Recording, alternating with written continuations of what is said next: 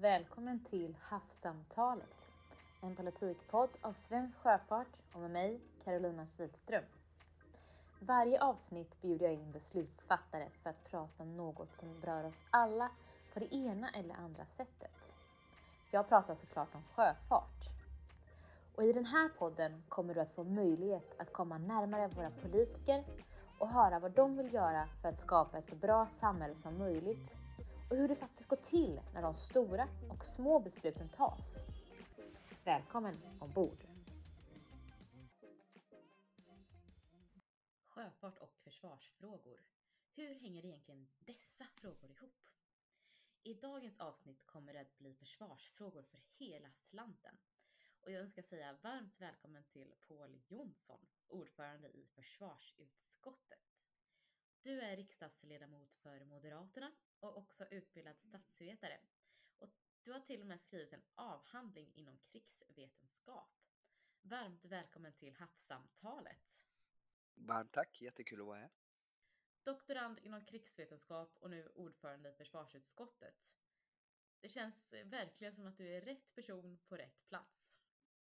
Ja, det får andra bedöma om det är, om jag är rätt person på rätt plats eller inte, men jag har jobbat med säkerhets och försvarsfrågor i 20 år i olika skepnader och egenskaper här och har ett jättestort intresse för de här frågorna. De ligger ju allt högre på den politiska dagordningen. Och under den resan har jag fått vara med och följa den utvecklingen. Det har varit jätteintressant. Vilken hotbild står Sverige för idag? Mycket, mycket allvarlig och komplex hotbild. Väsentligt mer komplext och eh, allvarlig än för fem eller tio år sedan.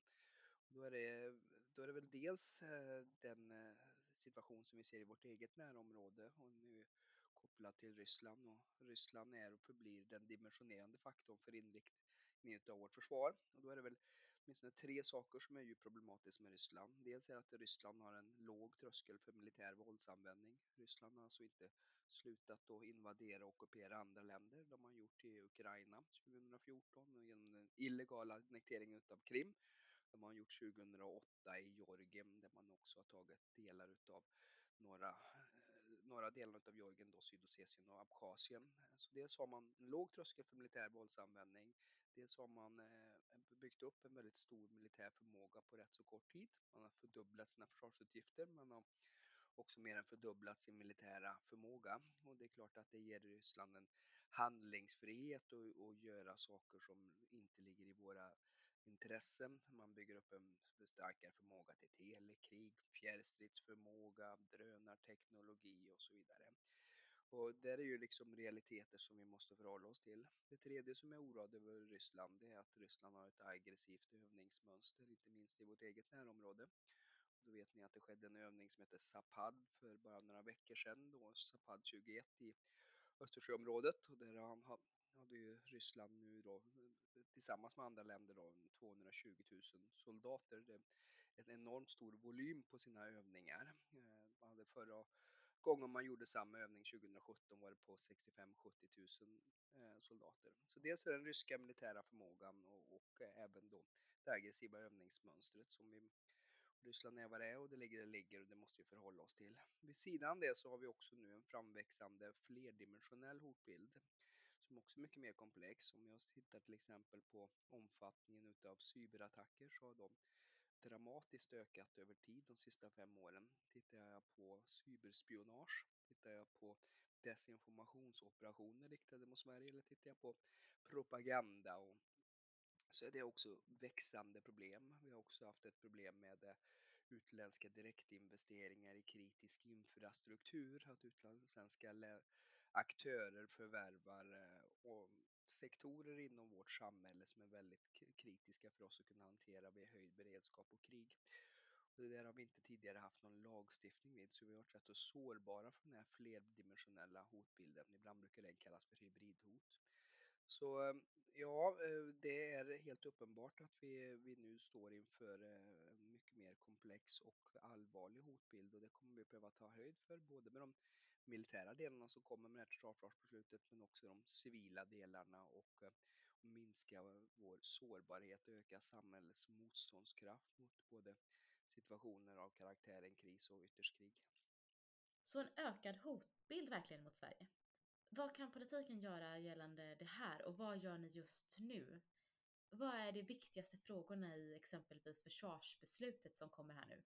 Ja, jag får väl ändå säga att eh, efter, eh, efter att ha haft de här 20 åren av neddragning i försvaret så, eh, och totalförsvaret så har ju man, tycker jag ändå från den politiska sidan, samlat sig relativt väl nu. Och då var det två utredningar som låg till grund för det här totalförsvarsbeslutet. En som heter Motståndskraft utav försvarsberedningen som tittade på det civila försvaret och en som heter Värnkraft som tittade på utformningen utav det militära försvaret. Och då pekade man då på att, eh, att vi måste helt enkelt ta höjd mot den försämrade säkerhetsläget och därför så har man också beslutat om att öka försvarsförmågan och försvarsutgifterna. Så vad vi gör nu då mellan 2021 och 2025 är att vi höjer försvarsutgifterna med 40 procent och det är rätt så unikt, framförallt för Sverige men även i internationell jämförelse.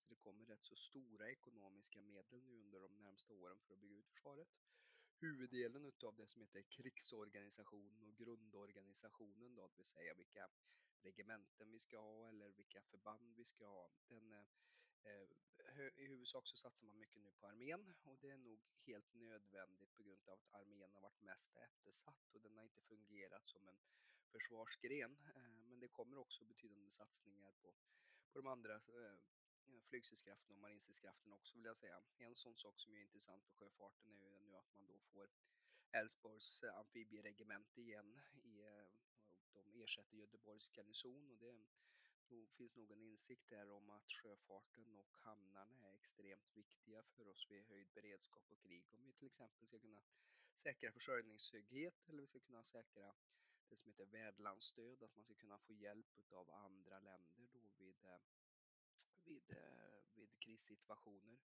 Det man också har sagt som kanske är den bärande meningen i det här försvarsbeslutet är att man säger att ett väpnat angrepp inte kan uteslutas. Det låter ju väldigt trivialt naturligtvis att det inte kan uteslutas. Eh, men förr i tiden stod det att väpnat angrepp kan inte uteslutas men är osannolikt inom överskådlig tid. Det betyder tio år. När man tagit bort sannoliksläran i eh, säkerhetspolitiken utan säga nu måste vi ha en civil och militär förmåga här och nu. Ja, men det måste få en jättestor påverkan att man bara tar bort en mening. Ja, eh, det har det. Det heter som på engelska It sharpens the mind. Att vi inte längre kan skjuta de här beredskapsfrågorna eller, eller eh, förr i tiden på det militära försvaret så hade man någonting som hette återtagningsförmåga och man skulle vidmakthålla förmågebredd och hade utbildningsreserver och sådana saker för att kunna liksom stärka upp försvarsförmågan i en avlägsen framtid. Det håller inte längre utan nu är det här och nu och det är liksom leverans för att snabbt få upp en, en starkare civil och militär eh, förmåga och motståndskraft. Det är ingen motstånd mellan att satsa på det militära försvaret och det civila försvaret eller fokusera på cyber och hybridhot eh, eller, eller det militära försvaret. Ibland när jag är ute på skolklasser och sånt så frågar man om det inte är omodernt att satsa på ett militärt försvar, säger många. Så här. Det är inte nu då cyber och desinformation. Jag säger det, det blir omodernt att satsa på ett militärt försvar för oss den dagen Ryssland slutar att invadera och ockupera andra länder. Det är bara att konstatera vad Ryssland gjorde ut med gränsen mot Ukraina för sex månader sedan där man mobiliserade över 100 000 soldater och stod och skramlade med sablar. Så att det, det är både det gamla militära, det hotet och det nya och, och de är fungerar ofta som ömsom förstärkande för varandra. Mycket av det civila försvaret handlar också om handelssjöfarten. Hur viktig är sjöfarten för försvarsfrågor och hur mycket pratar ni om sjöfart i försvarsutskottet? För lite, ska jag ärligt säga. Eh, jag, jag, för inför den här podden så liksom gick jag tillbaka till våra rullar och tittade vad som står i viktiga dokument och då hade vi liksom försvarsberedningens rapport Motståndskraft eh, som tittar på civila försvaret och sen så har det varit en stor utredning av en utredare som heter Barbara Holmberg som har tittat på, på detta. Och vi pratar ju i termer av transporter. Det vi i huvudsak har gjort när vi har pratat om marin och maritim förmåga så har vi tittat på framförallt marinens närvaro på västkusten och den har varit föremål för en hel del diskussioner. Vi har ju en begränsning i antalet plattformar inom marinen som gör att vi inte har någon permanent marin närvaro på, på västkusten och det skapar en begränsning i vår handlingsfrihet, framförallt om vi ska ha hjälp utifrån och kanske behöver ha kommogering och eskortering. Vi har också diskuterat en del kopplat till sårbarheten, till exempel när det kommer till eh, våra hamnar och vilka förberedelser som vi har för att kunna ta emot värdlandsstöd eller hjälp utifrån. Men vi har inte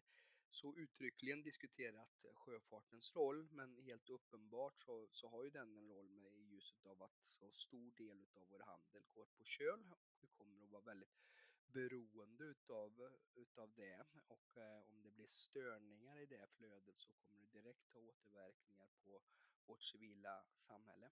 Så att eh, eh det förtjänas att, diskuteras och, och eh, vidareutvecklas de koncepten tror jag kopplat till sjöfarten. Där. Det finns ju en dimension kopplat till det också som jag vet att ni arbetar med och det är ju antalet svenskflaggade fartyg naturligtvis. Eh. Och det är väl bara att konstatera att jag som politiker, allting annat lika, ser ju värdet utav det för att jag får ju så mycket större rådighet i händelse utav kris och ytterst krig naturligtvis. Om det är ett svenskflaggat företag som ju ger oss en helt annan handlingsfrihet än om det är utländska aktörer och det har ju att göra med allt ifrån säkerhetsskyddskrav och, och liksom eh, tillämpning utav ett antal eh, fullmaktslagar och så vidare. Jag läste en rapport som eh, dock är väldigt gammal, men där har man skrivit ut ett antal för hur många svenskflaggade fartyg Sverige faktiskt behöver för att säkerställa Sveriges transporter vid kris eller krig. Har ni någon sådan siffra hur många svenskflaggade fartyg som behövs idag? Eller finns det ett behov av att ta reda på den siffran och hur det ser ut idag? Eh, jag som politisk ska vara, politiker ska vara försiktig och säga hur många fartyg vi kan ha. Jag kan peka på funktionen, jag kan peka på behovet. Men sen förutsätter jag givetvis att Sjöfartsverket, Transportstyrelsen och Trafikverket i samrådan med Myndigheten för samhällsskydd och beredskap som ändå har det samordnande ansvaret för civila försvaret och Försvarsmakten arbetar för fullt med att faktiskt ta fram sådana här um, underlag som vi kan göra sådana här typer av planering. Dels handlar det naturligtvis om många fartyg och plattformar som vi behöver, men det räcker inte bara med plattformarna, bara så man har klart för sig det. Eh, det finns ju olika fullmaktslagar som man kan använda vid eh, höjd beredskap och ytterst krig. Det finns ju en inte förfogandelagen då som man skulle kunna disponera eh, till exempel fartyg. Men för att det ska funka så är det en helt ekosystem av aktörer som måste samverka och det måste finnas ett författningsstöd för det och det måste framförallt finnas en planering. Ja, om vi då ska liksom använda de här fartygen, ja då måste vi ha kanske ha civilplikt. Vi måste se till att vi har, vi har en planering, vi har tränat på uttag, vilka fartyg det kan handla om, hur länge finns det drivmedel och så vidare. Så att det, det krävs i så fall också en, en, ett seriöst intentionsdjup i själva beredskapsplaneringen för att det ska funka. Eh, eh, och det, nu kommer ju då och införas det som heter sektorsansvariga myndigheter på, på det civila försvaret och det tror jag i grunden är bra. Det innebär då att det finns en myndighet ute bland tio olika sektorer som kommer att få föreskriftsrätt, det vill säga att den kan ge uppdrag i andra myndigheter och säga vad de ska göra. Och efter jag förstår nu då på området transporter som ju berör er och som kommer att vara oerhört viktigt vid höjd beredskap och ytterst krig så kommer Trafikverket få det övergripande ansvaret för att hålla ihop beredskapsplaneringen på transporter. Eh, och där i kommer även Sjöfartsverket och Transportstyrelsen att ingå. Luftfartsverket ingår där också naturligtvis, men kanske har lite mer underordnad roll i er verksamhet. Men det väldigt viktigt att, att all, all den här verksamheten kommer på plats. Om jag då går tillbaka där vi började samtalet med att det väpnade angreppet inte kan uteslutas. Det är inte, det är inte så, så att jag tror att det kommer hända imorgon, men, det, men, men det, det kan, risken kan heller inte uteslutas. Då innebär det också skärpta krav på att man verkligen tar fram de här planeringsinriktningarna och börjar öva och träna för att det verkligen ska fungera. När man väl är i krig eller i kris är det ju viktigt med tillräckligt med personal, tänker jag då. Men vad tänker du? Hur är kopplingen mellan försvarsfrågor och kompetensförsörjning inom transportbranschen och sjöfarten framförallt? Mm. Det finns ju en uppenbar koppling på inom flygvapnet och, och liksom den civila flygindustrin och där har man ju haft en tradition att stridspiloter går över på, på den civila marknaden efteråt och jobbar på olika flygbolag. Jag vet faktiskt inte hur det förhåller sig mellan marinofficerare och, och de som är sjöbefäl och så vidare, men allting annat lika så tycker väl jag att det är bra att det finns en liksom samlad marin och maritim kompetens i Sverige naturligtvis. och Sverige som sjöfartsland med lång liksom, traditioner och så vidare. Så att allting lika så tycker jag att det, det finns en samlad kompetens i landet och, och, och eh, i, i, gränslandet mellan det marina och det maritima naturligtvis. Och, och det, det, kan ju också handla om tillgången liksom till underhållsvarv. Där har vi också begränsad förmåga idag. Jag tror det finns ett ett sånt varv i, i Landskrona nu och så vidare. Men att vi kan vidmakthålla de förmågorna, det, det är naturligtvis viktigt. Branschorganisationen Svensk Sjöfart har ju som förslag att man skapar en yrkesutbildning inom sjöfarten, likt den danska sjöfartsutbildningen, som blir ett snabbspår med en kvalitetsutbildning inom sjöfart för att säkra tillgången på svenska sjömän. Vad tycker du om detta förslag ur ett försvarsperspektiv? Den marina domänen eh, blir allt viktigare i ljuset av det försämrade omvärldsläget. Eh, så det är väl klokt att, att det finns en sån kompetensförsörjning på, på det här området. Sen eh, det exakta värdet kan man nog be, då kan nog min kollega som sitter i trafikutskottet mycket bättre värdera det än vad jag kan själv. Då. Något som ägt rum under de senaste snart två åren är coronapandemin. Det är inte ett krig, men en av de största kriserna i vår tid. Finns det någonting som du tycker att Sverige borde gjort annorlunda ur ett försvarsperspektiv? Pandemin är ju den största ekonomiska, sociala och politiska kris som världen har genomgått sedan andra världskrigets slut. Det är klart att med fem miljoner döda och kanske lika många eh, som också som har dött på grund av att man inte fått vård så har det här varit en, eh, en enormt stor påfrestning på, på, på det globala systemet. Det har också varit ett viktigt stresstest för vår krisledningsförmåga. Jag tycker att det fanns viktiga lärdomar för Sverige att dra där. Jag I det avseendet väldigt glad att, att liksom vi fick saker på bordet som borde ha varit på plats när de inte var det. Dels så hade vi naturligtvis samverkan mellan, just som vi pratade på tidigare, mellan staten och näringslivet. De första sex månaderna inom pandemin så fanns det öar av framgångsrika exempel där detta funkade, där man ställde om. Men på ett systemnivå så funkade inte samverkan mellan det privata och det offentliga tillräckligt väl. Min upplevelse då var att företagen snabbt ville ställa om och ändra produktion men att det inte fanns en absorbationsförmåga på det och en riktigt rådighet och handlingsfrihet där inom myndigheterna. Så dels så tycker jag att eh, samverkan mellan det privata och offentliga eh, inte var tillräckligt bra under pandemin. Det andra var att vi under pandemin inte heller hade eh, utsett de samhällsviktiga arbetsgru arbetsgrupper som vi hade inom samhället. Vi hade ju inte gjort en prioriteringslista om pandemin kommer. Var det brandmännen, var det lärarna, var det förskolepersonalen eller var det ambulanssjukvården eller polisen? Hur skulle man prioritera? Det fanns faktiskt inte på plats när pandemin bröt ut. En tredje lärdom är väl också då eh, Eh, bristen på lagerhållning. Och där har vi jobbat mycket nu under årtionden med just in time. Vi behöver nog också tänka på just in case på ett annorlunda sätt. Och det är klart att vi hade stora problem med bristen på skyddsmateriel, framförallt initialt och under pandemin. Vi hade inte den beredskap och förberedelse för, för att hantera detta.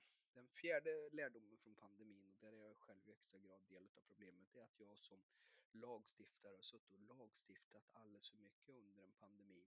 Vi har, och det var ju för att vi inte har då ett författningsstöd för att kunna fatta viktiga beslut. Vi har suttit och provat och använt smittskyddslagen för att få en bättre rådighet. Vi har provat med ordningslagen för att få en bättre rådighet och nu senast har vi ju naturligtvis också fått en ny pandemilag då. Men det är klart att om du sitter och lagstiftar och lappar och klagar mitt under en pandemi så är det symptomen på att din författningsberedskap inte är tillräckligt god. I Sverige har vi ju jobbat med det. Eh, vi kan ha väldigt stark rådighet, statlig rådighet, när staten kan styra och ställa. Och i en kris måste man ha, ha någon som styr och ställer eller någon som kör. Eh, det heter på engelska heter det prioritization and allocation. Vem som prioriterar och vem som allokerar. Så måste det funka i en kris. Eh, de flesta länder har ju antingen då ministerstyre eller så har man en huvudansvarig myndighet. Och Sverige har vi inte någonting av de här sakerna. Men man kan få rådighet i Sverige, men då är det då är det vid höjd beredskap och krig. Men för att man ska kunna införa höjd beredskap och krig och kunna använda de här fullmaktslagarna som jag pratade om förut med, med förfogandelagen, det finns en prisregleringslag och det finns en hel del andra sådana här sju, åtta fullmaktslagar, då måste det råda krig eller krigsfara. De krig eller krigsfara.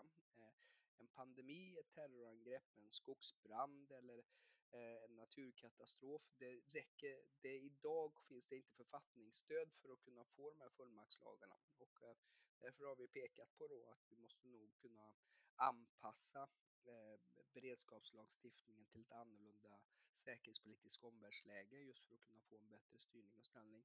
Så det var väl några reflektioner kopplat till, till de brister som vi har sett under pandemin eh, när det kommer till den civila beredskapen. Sen ska ju Coronakommissionen naturligtvis utvärdera detta i särskild ordning. Finns det något som du tänker har med sjöfart och transport att göra? Jag tänker exempelvis på det här med prioritering av olika samhällsviktiga yrken. Och det tog ett tag innan transport blev prioriterat och fortfarande är inte sjömän prioriterade för vaccinering i Sverige, dock i andra länder. Det, det var ju, det är klart att hade vi fått ett stopp i flödet, vi fick ju det på, på trafiken initialt med, med lastbilar som fastnade och hade vi fått eh, ett, jag vet inte exakt hur det såg ut med handelssjöfarten, men hade vi fått ett motsvarande stopp i, i eh, sjöfarten så hade det fått enorma konsekvenser i ljuset av det stora behovet av inflöde och transporter som vi har för Sverige som ett, som ett litet handels eh, och exportorienterat land också med rätt så låg självförsörjningsgrad, åtminstone inom vissa delar. Så att eh, ja, eh, extremt viktigt att, att de här flödena funkar. Det är bara att konstatera. Vi har ju Finland att tacka ganska mycket för att flödena ändå fungerade då Finland valde att upphandla fartyg och svenska fartyg till och med för att fartyg ändå skulle kunna gå trots pandemin. Hur skiljer sig synen på försvar mellan Sverige och Finland? Väldigt mycket kan jag säga. Jag var i Finland eh, senast eh, förra veckan och pratade med dem för vi har också ett fördjupat försvarssamarbete mellan Sverige och Finland som ju eh, går mycket djupt. Vi har ju numera gemensam operativ planering för att kunna agera tillsammans om vi så vill i, i kris och, och krig.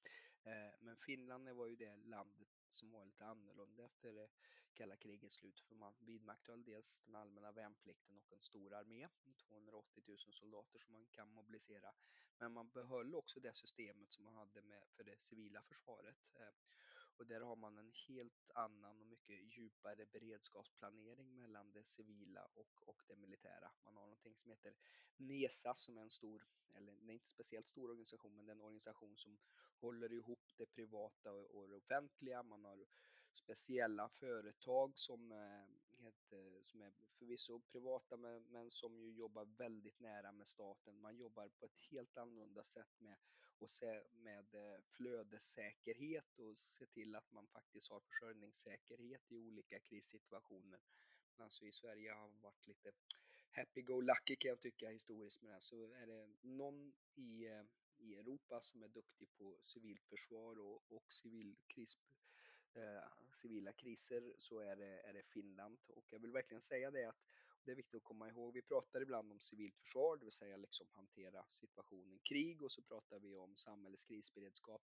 Men det är klart att eh, om du har strukturer för ett civilt försvar, om ditt samhälle är så pass riggat att det kan hantera krigets krav så står det också bättre rustad att hantera krisen om den nu kommer. Så man ser det och jag tror att det var ett av skälen faktiskt varför varför Finland och i någon mån Norge hanterade pandemin bättre än oss initialt. För de hade gjort det här arbetet med att identifiera samhällsviktiga sek ehm, sektorer, arbetsgrupper, man hade ett arbete kopplat till författningsberedskapen, man hade lagerhållning och så vidare. Eh, så att ehm, det är helt uppenbart att har man ett starkare civilt försvar då är man också bättre rustad i krisen när den väl dyker upp. Inom sjöfarten pratar vi mycket om cybersäkerhet och exempelvis har flera stora rederier under de senaste åren blivit utsatta för cyberattacker. Hur ser du på frågan om IT-säkerhet? Vad behöver göras från politiken och näringens sida för att exempelvis klara cyberattacker i framtiden?